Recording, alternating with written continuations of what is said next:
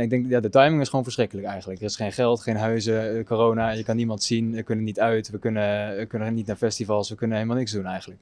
Dus dat is wel jammer. Je hoort het bij Trajecten. Hallo allemaal. Ik ben Lucas, een pechvogel. En ik ben Lisa. Ik heb nog studie gehad, maar kan geen huis krijgen. Leuk dat je luistert. Wij eisen compensatie, wij zijn de pechgeneratie. De krantenkoppen staan er vol mee. Ja, je leest en hoort nu overal in het nieuws. Studenten van nu zijn de pechgeneratie. Maar wat is dat nou eigenlijk, Lucas? Ja, studenten na 2015 die hebben dus geen basisbeurs gekregen. En die basisbeurs wordt wel weer ingevoerd, maar dat is dus vanaf 2023. En de studenten daartussenin, dus die al die jaren, ja, dat is eigenlijk de pechgeneratie. Ja, ik vind het ook eigenlijk niet alleen qua basisbeurs. Het is ook echt super moeilijk om nu een woning of kamer te krijgen. En omdat studenten vanaf nu eigenlijk ook door de corona natuurlijk ook thuisonderwijs hebben gekregen en niks kunnen ondernemen. Dat is ook moeilijk. En we hebben het ook nog niet eens over de klimaatproblematiek. Nee, maar je kan natuurlijk ook de vraag stellen: hebben we het eigenlijk slechter dan de vorige generaties? Want op bepaalde vlakken is het toch juist ook allemaal vooruit gegaan en het onderwijs is geïnnoveerd en er is meer mogelijk. Ja, en dan stellen we dus vandaag in de podcast de vraag: vinden studenten zichzelf de pechgeneratie? En tijdens de podcast laten we studenten aan het woord, vertellen we feitjes over schulden en geld. En we geven nog wat korte tips. En ik heb ook weer een leuke poll uitgezet op Instagram. Heb ik aan 37 studenten gevraagd of zij zichzelf de pechgeneratie vinden.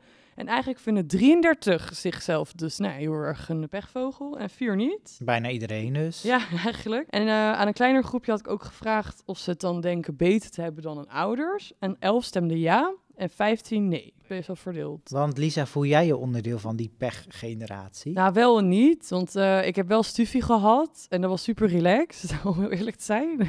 maar zoveel was dat ook weer niet. Het was 270 euro. Dus ik heb ook gewoon geleend. En ook tijdens mijn master en moeten werken. En ik kon ook geen huis krijgen en zo. Nee. Maar ja, ik, ben, ik heb niet zo slechte zaken gehad als jij, Lucas. Volgens mij heb jij niks gehad, toch? Nee, klopt. En mijn schuld is inderdaad nu ook wel heel hoog. En dat is toch wel iets wat soort van dan eh, ik weet niet, ik kan daar wel een beetje stress van krijgen. Dat ik denk, oh, krijg ik ooit een huis ook, wat jij zegt. Maar goed, dat heb jij ook. Dus dat heeft misschien iedereen wel. Ja, maar ik denk dat mijn generatie ook wel de pechgeneratie nog is, hoor. Ik ben een 27, maar ik denk dat vrienden van mij dat ook wel echt hebben, hoor. Ja, terwijl over het algemeen wordt toch wel die pechgeneratie geassocieerd met dat geen basisbeurs krijgen, toch? Nee, maar ook wel echt corona, en geen huis, klimaatproblematiek hoort er allemaal bij. Ik bedoel, ik heb ook geen leuke startertijd gehad. Het was corona. Ik moest werk zoeken in coronatijd toen ik net afgestuurd was.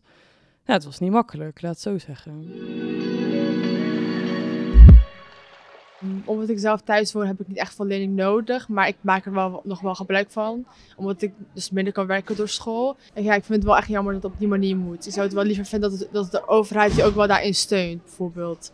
Want ik wil zo min mogelijk lenen en daardoor moet je gewoon veel meer werken. Dat leidt er naartoe dat je natuurlijk uh, minder aandacht voor school kan besteden. Dus het, het, is echt een dilemma de hele tijd van ja, ga je nou werken of uh, meer aan school zitten, zeg maar. Ik ben zelf vier jaar geleden begonnen met studeren. Dat wel echt precies tussen wel een schip valt. Het voelt wel dat degenen die hierna komen inderdaad weer waarschijnlijk een, het gelijk iets krijgen als het hele gebeuren natuurlijk voor het leenstelsel. Ik vind het alleen wel gewoon jammer dat met corona en zo dat we dan uh, ja, gewoon minder mogelijkheid hebben om naar school te gaan.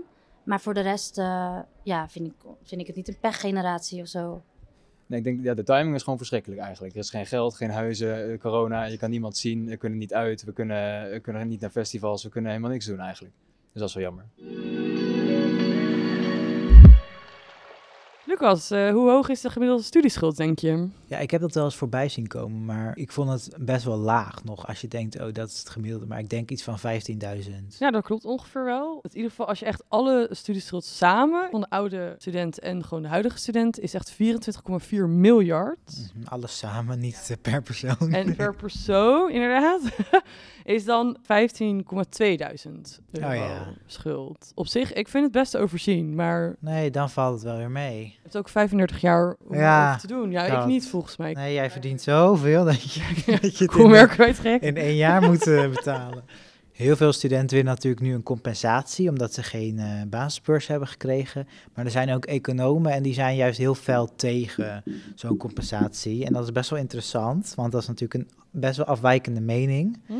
Arnoud Boot, econoom, Die zegt dat de verkeerde mensen worden gecompenseerd als alle studenten van nu nog geld krijgen. Want dat zijn mensen die zeg maar al studeren. En het geld moet juist gaan naar mensen die tegen werden gehouden destijds om te gaan studeren. Door dat flinke geldbedrag wat je niet vergoed krijgt. Ja, mbo'ers bijvoorbeeld worden eigenlijk altijd een beetje genaaid, toch? Ja. Ik bedoel, die krijgen volgens mij niet eens... Krijgen die OV überhaupt? Ja, dat nog net, maar... Ik bedoel, eh, ja, nu zijn natuurlijk al die mondige hoogopgeleiden die heel erg hiervoor opkomen. Mhm. Maar waar zijn die mbo'ers? Ja. En als je dus van eh, jouw generatie bent, Lucas, dan heb je dus eh, geen basisbeurs hebt ontvangen. Weet je hoeveel je dan eigenlijk wel misloopt? ja, sowieso dus 2000 per jaar, maar ook nog daarnaast een uitwonende geldbedrag per maand. Ja, inderdaad. En dat komt echt uit dat uitwonende bedrag op iets van 14.000 euro.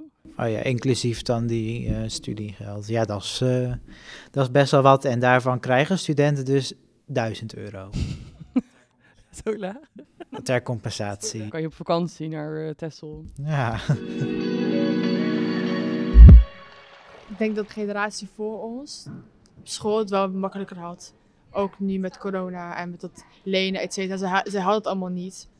Dus ik denk dat wij het wel veel lastiger hebben dan hun. Ik zou mezelf niet echt willen benoemen als de pechstudent. Dan, dan, dat is al gelijk zo heel negatief. Ik zou het ja, maar eerder benoemen als ja, het is gewoon iets, meer, iets extra's. Extra veel inzet. Je moet extra veel input hebben met dingen. Ja, en die, energie moet je ergens vandaan halen. Maar ik zou gewoon vooral zeggen, ja, blijf gewoon positief. En bekijk het gewoon positief. En zet jezelf vooral niet in de slachtofferrol. Want dat zorgt alleen maar voor meer negativiteit. Nee, ik denk sowieso dat we het wel beter hebben dan voorheen eigenlijk. Dat wel. Da- Dan, maar dan praat ik dan over iets van 30 jaar terug of zoiets. Toen was het volgens mij allemaal wel wat minder gezellig overal. eh.